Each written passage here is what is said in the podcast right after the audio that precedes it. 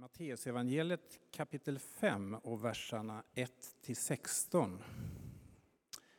Saligprisningar. När han såg folkskarorna gick han upp på berget. Han satte sig ner och hans lärjungar kom fram till honom. Han började undervisa dem och sa Lyckliga, saliga de som är fattiga i anden, de tillhör himmelriket. Saliga de som sörjer, de ska bli tröstade. Saliga de ödmjuka, de ska ärva landet. Saliga de som hungrar och törstar efter rättfärdigheten, de ska bli mättade. Saliga de barmhärtiga, de ska möta barmhärtighet. Saliga de renhjärtade, de ska se Gud. Saliga de som håller fred, de ska kallas Guds söner. Saliga de som förföljs för rättfärdighetens skull, de tillhör himmelriket. Saliga är ni när man skymfar och förföljer er och på allt sätt förtalar er för min skull. Gläd er och jubla, er lön blir stor i himlen. På samma sätt förföljdes ju profeterna före er tid. Ni är jordens salt. Men om saltet mister sin kraft, hur ska man få det salt igen? Det duger inte till annat än att kastas bort och trampas av människorna. Ni är världens ljus. En stad uppe på ett berg kan inte döljas och när man tänder en lampa sätter man den inte under sädesmåttet utan på hållaren så att den lyser för alla i huset. På samma sätt ska ert ljus lysa för människorna så att de ser era goda gärningar och prisar er fader i himlen.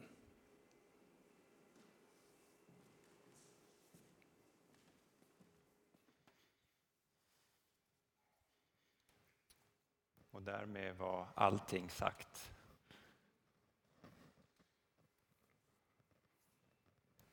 Fantastiskt innehållsrik text. Ehm, som en del av er vet så är jag uppvuxen i Frankrike. Ehm, vår familj var i och för sig väldigt integrerad i franska samhället. Ehm, och så vitt jag vet var vi den enda svenska familjen i trakten. Liksom. Vi levde verkligen inte i någon svensk bunker, utan vi var mitt bland fransmännen. Jag gick i fransk skola hela min uppväxt och jag hade kompisar som hette franska namn som Nicolas och Christophe och Akim. Ja förresten, Akim är inte så traditionellt franskt. Liksom. Hans föräldrar var från Marocko. Eh, så vår vänskap där på gymnasiet var en väldigt multikulturell gemenskap. Men i alla fall, ni förstår. Och jag stack visserligen ut med min blondhet, men i övrigt så eh, var det väl inget speciellt som skilde mig åt från de andra grabbarna i kvarteret liksom, när vi sparkade boll. Ändå kände jag mig, framförallt när jag växte upp i tonåren, ändå kände jag mig på något sätt annorlunda. Jag bodde i Frankrike men jag kände mig inte som en fransman. Det fanns något annat inom mig. Jag var nog på ett sätt en främling i, där hemland, i mitt hemland på något sätt. Och kanske så det där förstärk, förstärktes det där av vissa saker vi gjorde som familj. Alltså vi pratade svenska hemma, ett annat språk. Vi, vi åkte till Sverige på somrarna, en annan liksom, årsrytm.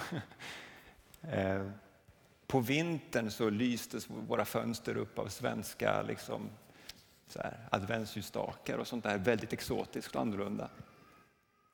Jag minns till och med att vi hade eh, något år så hade vi ett Lucia-tåg för våra närmaste grannar. Liksom. Väldigt exotiskt. Eh, och så. Men på de flesta plan så var vi precis som alla andra som sagt. Eh, jag menar, när Frankrike tog EM-guld i fotboll 84 då var jag en jublande glad tioåring. Visst kände jag enhet med Frankrike. Liksom. Jag var en del av det här när Belon chippade bollen över målvakten så här i slutminuterna. Det blev 2-0. Ja, visst var jag en del av Frankrike, fast ja, det var något annat också. Någon slags främlingskap. Och varför berättar jag det här? Jo, men det finns vissa paralleller till den här bibeltexten som, som vi hörde. Därför att Bibeln talar om eh, ja, men det här att vara kristen i världen, hur det kan upplevas. Min upplevelse som tonåring var att jag var annorlunda som sagt, att det fanns en slags kontrast i mitt liv mellan det svenska och det franska. Och att jag i vissa avseenden då skilde mig från min omgivning. Och i det avsnitt från Bergspredikan som vi hörde nyss, Mats läsa, så, så finns det ett visst kontrastperspektiv. Eller hur? Det talas ju till och med om att, att man kan bli förföljd och skymfad för att man följer saligprisningarnas väg. Det som beskrivs är något annat sätt att leva. Ehm. Ja, vi hörde att vi är kallade att vara salt och ljus. Snacka om kontrast, speciellt det här med ljus och mörker. En väldigt tydlig kontrast i beskrivningen. Jag läser om vers 14 och 16. Ni är världens ljus. En stad uppe på ett berg kan inte döljas. Och när man tänder en lampa sätter man den inte under sädesmåttet utan på hållaren så att den lyser för alla i huset. På samma sätt skall ert ljus lysa för människorna så att de ser era goda gärningar och prisar er fader i himlen. Jag menar, här, här handlar det om någon slags kontrast mellan mörker och ljus. Ett annat sätt att leva. Så det finns någonting i den kristna tron som, som handlar om det här. Och det ska vi borra vidare i den här serien, då, i den, här, den här tematiken, ett annat sätt att leva. Men som en inledning till det så skulle jag idag vilja säga tre saker om det här att vara annorlunda. För jag tror det är viktigt att vi tänker klokt om det. Eh, så att vi inte kör i diket. Så vi tar den första punkten på väggen där, tack. Vi är kallade att vara delvis annorlunda. Delvis i versaler. Kanske någon tycker, men vänta nu, är inte det här då bristande radikalitet? Ska man inte byta ut det här ordet delvis med radikalt annorlunda? Eh, är det inte det Jesus säger? Jo, Jesu ord är väldigt radikala, visst är de det. Och jag vill inte putsa bort det på något sätt. Men samtidigt gäller det att tänka rätt om det här med att vara radikal. Inom parentes, det är bara en kort parentes. Ordet radikal kommer från latinets radix. Vet du vad det betyder? Det betyder rot. Och jag gillar den, liksom, att, att leka med det uttrycket. Att vara radikal, att vara rotad i Kristus. Det, det är för mig sann radikalitet, att vara rotad i Kristus. Men okej, okay, det, det, kanske ändå är så att vi i vår tid som kristna, det händer väl någon gång ibland att vi brister i radikalitet. Att vi brister i vår förankring i Kristus. Ehm, så kan det ju vara. Det kanske inte man kan säga på samma sätt om de första kristna på 100-talet. Nu ska man inte idealisera såklart, det fanns säkert eh, bristande radikalitet där också, men, men på något sätt det kostade ju på att vara kristen då, kan man ju säga. Och nu kommer ett citat från något som heter Diognetosbrevet från 100-talet. Jag tycker det är väldigt vackert. Det här är ju inte biblisk skrift, då, men jag tycker det är värt att citera.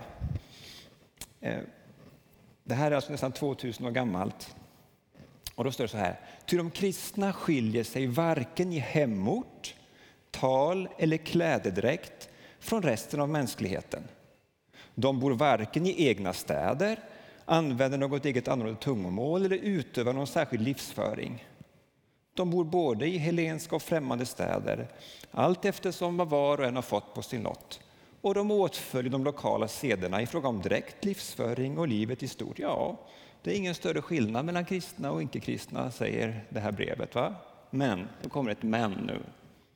Men, i fråga om sitt eget medborgarskap följer de en förunderlig och, es, en förunderlig och erkänt sällsam författning.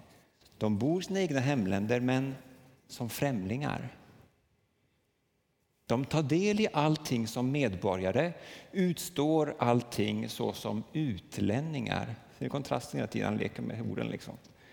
Varje främmande land är deras hemland, varje hemland ett främmande land.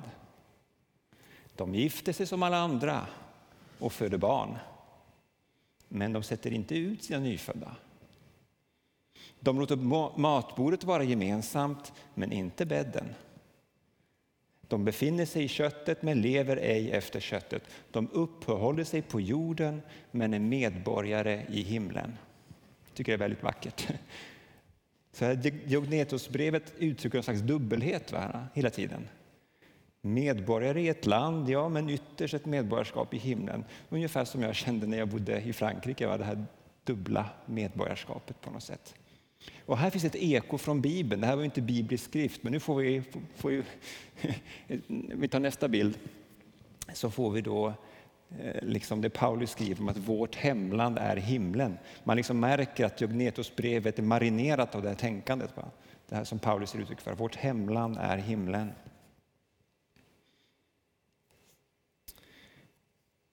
Dopet till Kristus är liksom basen för en identitet som går djupare än något annat. Och på vissa sätt så, så blir det väldigt konkret. Vi läste det nyss. Va? Vad, var det, vad var det stod i det här brevet? Det stod att kristna i motsats till sin omgivning till exempel ansåg att det inte var okej okay att sätta ut sina nyfödda. Det är ett, eh, vad ska man säga, milt sätt att uttrycka något hemskt på. Om vi tänker på vad det faktiskt betyder att sätta ut sina nyfödda. Man värdesatte alltså barnet, det nyfödda barnet på ett sätt som omgivningen inte gjorde. Man skilde sig från omgivningen på den punkten. Man uppfattar sig också som annorlunda när det gäller det här med sex. Va? Det, det uttrycks så här att man har matbordet gemensamt, det delar man gärna, men inte bädden.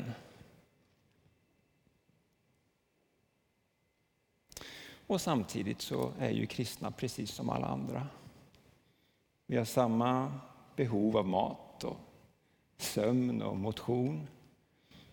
När vi har ont så känns det på samma sätt, eller hur? När vi har ångest så känns det på samma sätt som andra. Det är ingen skillnad på det sättet. Så det här att vara annorlunda är ju liksom inte att förneka vår mänsklighet, tvärtom. Det annorlunda handlar om att bejaka det som är sant mänskligt när, vår, när omvärlden inte gör det. När omvärlden, när, när, när samhället omkring oss på vissa punkter missar målet. På de områdena är vi kallade att gestalta något annat. Till exempel, säg att det finns osund stress i ett samhälle som värderar prestation mer än något annat. Du är vad du presterar, du har ditt värde i vad du presterar. Om man lever i ett sådant samhälle, då har vi som kristna ett uppdrag här att gestalta något annat. Det sant mänskliga i Jesu efterföljd. Du har inte ditt värde i vad du presterar, i vad du producerar. Du har ditt värde i att du är älskad av Gud, punkt. Och det behöver vi leva ut och gestalta.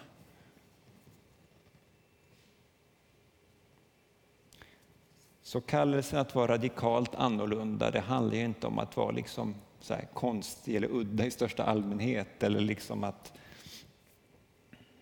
att vara anti och gå i clinch med sin omgivning precis på varenda punkt därför att man gillar konflikt. Så är det ju inte. Men på vissa punkter så gör vi annorlunda. Varför då? Därför att vi vill leva det liv som Gud i sin godhet kallar alla människor till. Och ibland blir kontrasten tydlig.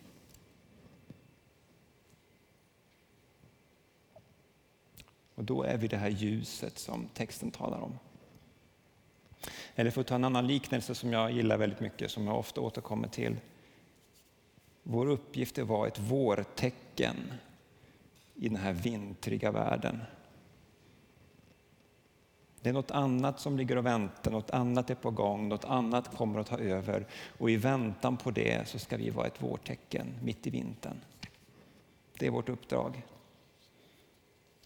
Ett vårtecken. Det är ju något väldigt litet, eller hur? Det kan vara en blomma. Vårtecknet i sig kanske inte är så jätteimponerande. Det är vad det pekar mot som är häftigt. Och det för oss till punkt två. Vi är kallade att börja i det lilla.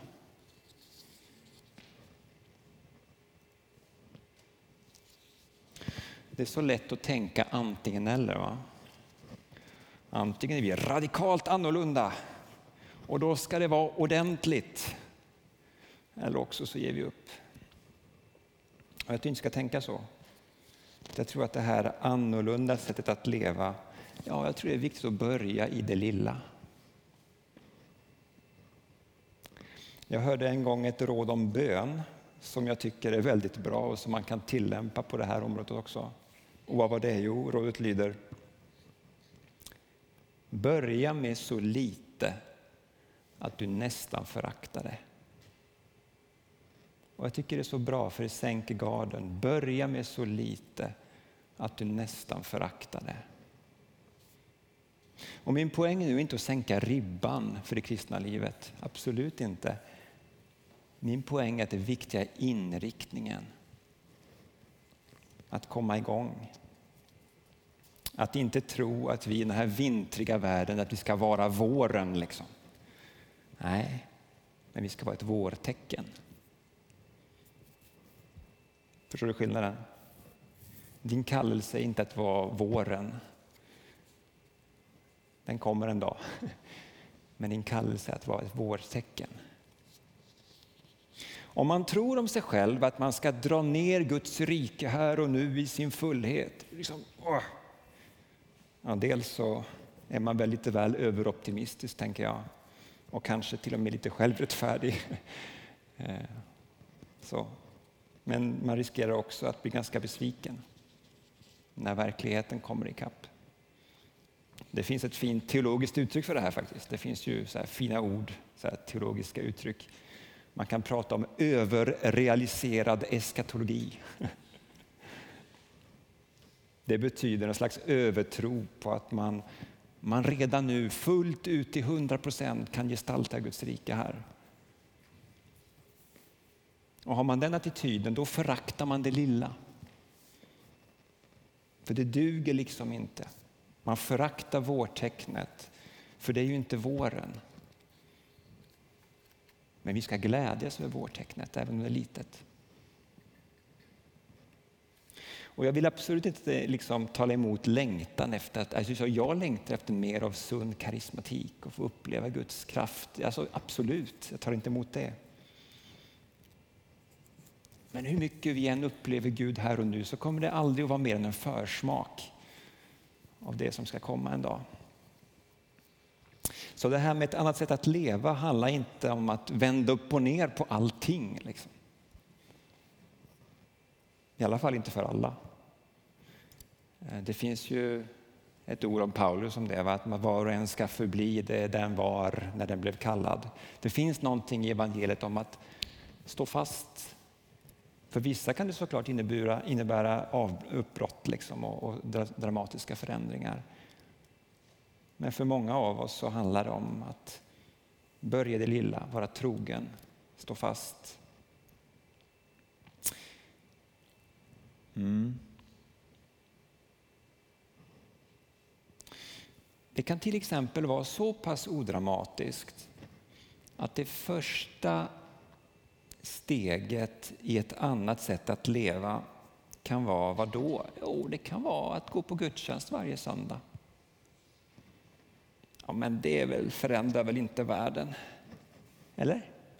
Det är väl inte så viktigt kan man tycka. Gå på gudstjänst, på vilket sätt spelar det någon roll? Jo, men jag tror det spelar stor roll. Att gå på gudstjänst varje söndag, att med sin kropp komma hit det är ett vårtecken i en vintrig värld. Det är att lysa i mörkret. Det är liksom första steget i att vara världens salt. Utåt sett så verkar det så litet och odramatiskt, men det är ett viktigt första steg.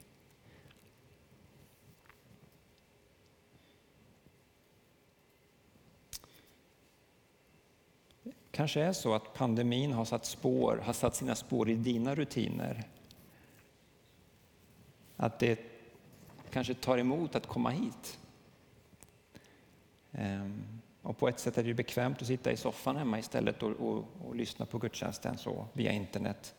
Och det är såklart bättre än att strunta i det, så jag talar inte emot det. Men, men jag skulle vilja vara lite radikal då och säga om du har möjlighet, kom hit fysiskt. Ehm, och det är klart, om man, har, alltså om man har riskfaktorer för covid, om du är hemma och lyssnar på det här för att du vill vara försiktig innan pandemin har lagt sig och så, full förståelse för det, det är inte det jag pratar om här nu. Det jag talar om är att jag menar, låt oss gradvis återgå till det normala. Och det gör någonting när vi fysiskt möts vecka efter vecka i Jesu namn. Det spelar roll. Om inte annat så är vi ett litet vårtecken i en vintrig värld genom att göra det. Det är viktigt att gå på gudstjänst. Det är viktigt med det lilla. Och så min tredje punkt, om ett annat sätt att leva. Vi gör det tillsammans. Det här annorlunda sättet att leva som som Jesus kallar oss till, det är inte en soloprestation. Vi läste ju om att vara världens salt. Va? Om du tänker ett saltkorn, ett enskilt saltkorn i din matlagning. Det gör ju ingen större skillnad i sig, bara det lilla saltkornet. Men tillsammans med andra saltkorn, man häller i sin tesked eller halva tesked eller vad man nu häller i, då spelar det roll. Tillsammans spelar vi roll. Vi läste också om en stad på berget som inte kan döljas. Kan du se det framför mig? Det är natt och du är ute på landsbygden och promenerar och så tittar du upp mot en stad som ligger på en höjd. Det är många ljus där borta. Det går inte att dölja att det finns en stad där för tillsammans så lyser de här olika äh, ljuskällorna upp staden. Va? Ett mer eller mindre, alltså jag menar, ett enskilt ljus gör inte i sig så mycket, men tillsammans lyser de upp.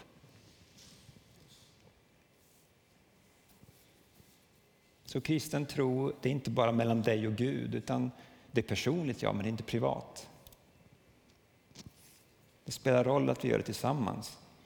Låt oss ta till exempel det här med våra ekonomiska resurser. Det jag som liten människa ger varje månad, spelar ju liksom i sig kanske inte så stor roll i det stora hela, men tillsammans, genom att pola våra resurser tillsammans, då kan vi göra mycket. Jag läste en text från 100-talet nyss och jag tar och läser en till nu. Det här kommer från Justinus martyren. Han säger så här om, om givande, det är också 100-talet efter Kristus. Vi värdesatte tidigare, skriver han, vi de kristna, vi värdesatte tidigare samlandet av rikedomar och ägodelar mer än något annat. Men nu lägger vi våra tillgångar i en gemensam fond och hjälper alla behövande. Tidigare hatade vi och dödade varandra och vi kunde inte leva med folk från andra stammar på grund av olikheter i seder och bruk. Nu sedan Kristus kommit tillhör vi samma familj och vi ber för våra fiender. Så här ser vi hur givandet är en del av en större helhet i att vara annorlunda. Ehm, och det talas om en gemensam fond. Jag tycker det är ett bra uttryck, för det är precis det vi har i kyrkan. Vi har en gemensam fond där vi polar våra resurser för att tillsammans gestalta ett annat sätt att leva.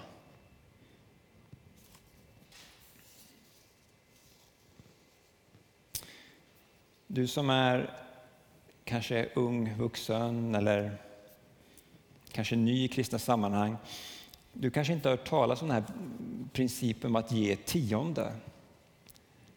Ehm, det vill säga att man till Gud ger en tionde av det man tjänar, till exempel varje månad. Då.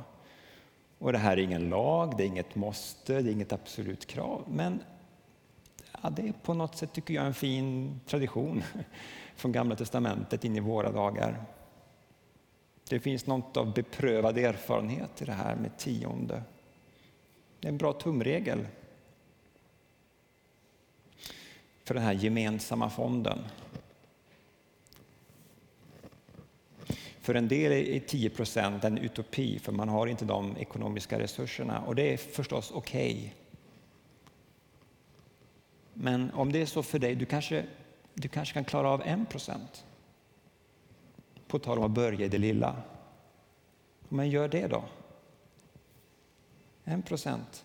Börja i det lilla, lägg ditt lilla bidrag och gör det med glädje. Var det här vårtecknet. Det här lilla tecknet på att du vill leva ett annat liv. Det är bra. Det är okej okay med en procent. Det är ett vårtecken. Det är viktigt. Men för oss då som har ordentliga ekonomiska muskler, så att säga, de av oss som har det, då kanske 10 procent är en högst rimlig utgångspunkt. Om du nu känner att ja, ja, jag skulle ju kunna det, men då måste jag ju ändra mitt liv lite grann. Ja, precis. Vad var det hette? Ett annat sätt att leva. Det var just det som var poängen. Va? Men haka inte upp det på procentsatsen utan börja där, där du är, i det lilla. Ta de små stegen. För även små steg leder åt rätt håll, om man går åt rätt håll. Det är liksom inriktningen som är det viktiga.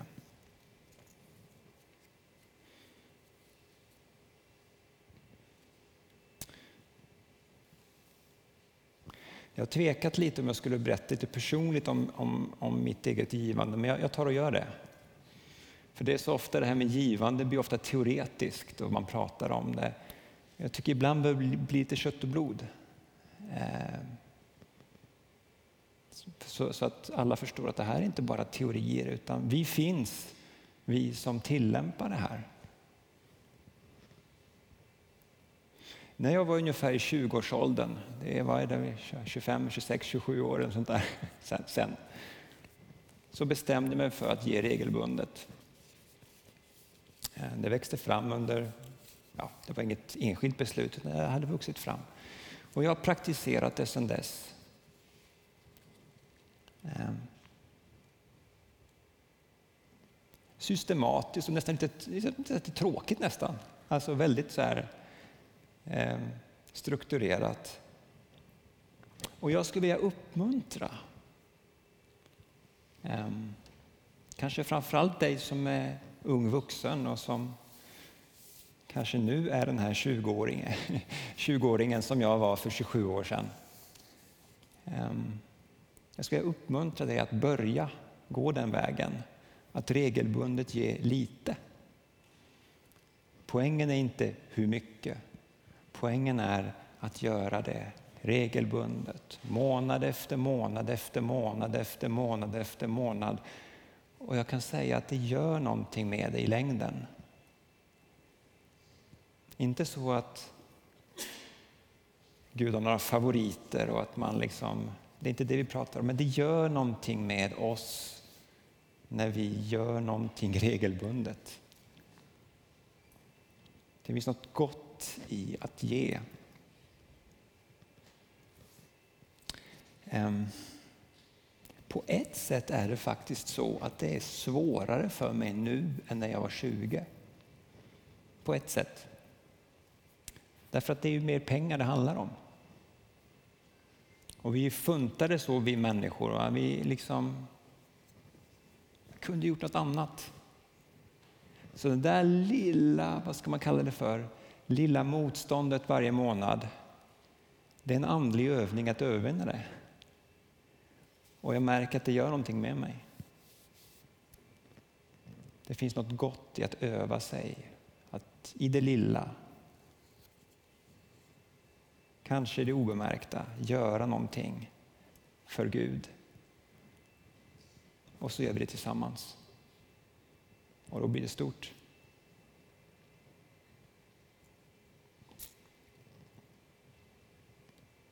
Det annorlunda livet, ett annat sätt att leva. Att vara ljus och salt. Jag ska ta, visa de tre punkterna på väggen igen, bara för att runda av. Delvis annorlunda. Poängen är liksom inte att vara konstig eller anti-etablissemang i största allmänhet. Utan att betona vår mänsklighet som lärjungar i Jesu efterföljd. Vi ska börja i det lilla. I den här vintriga världen, förakta inte vårtecknet. Gå på gudstjänst regelbundet. Börja där. Och så gör vi det tillsammans. Den tyske teologen Dietrich Bonhoeffer han, han sa att var och en går ensam in i efterföljelsen men ingen förblir ensam där. Men han säger jo, att bli kristen är ett eget beslut. Det är ett beslut man fattar i sin ensamhet. Ingen kan fatta det åt dig. Men i och med att du fattar det beslutet, då är du inte ensam längre. Ett annat sätt att leva, ja, det är ingen soloprestation. Utan vi gör det tillsammans. I all enkelhet. Vi ber. Gode Gud, du som i och med din son Jesu Kristi ord och undervisning kallar oss att vara salt och ljus. Hjälp oss att leva ut den kallelsen. Hjälp oss att vara salt. Hjälp oss att vara ljus. Hjälp oss att, att eh, börja där vi är. Hjälp oss att känna glädje och se det, det fantastiska i att du kallar oss att vara vårtecken i en vintrig värld. Hjälp oss gode Gud att, att eh, följa dig i det lilla. Att vara trogna i det lilla. Och tack att vi får göra det tillsammans som församling. I Faderns och Sonens och den helige Andes namn. Amen.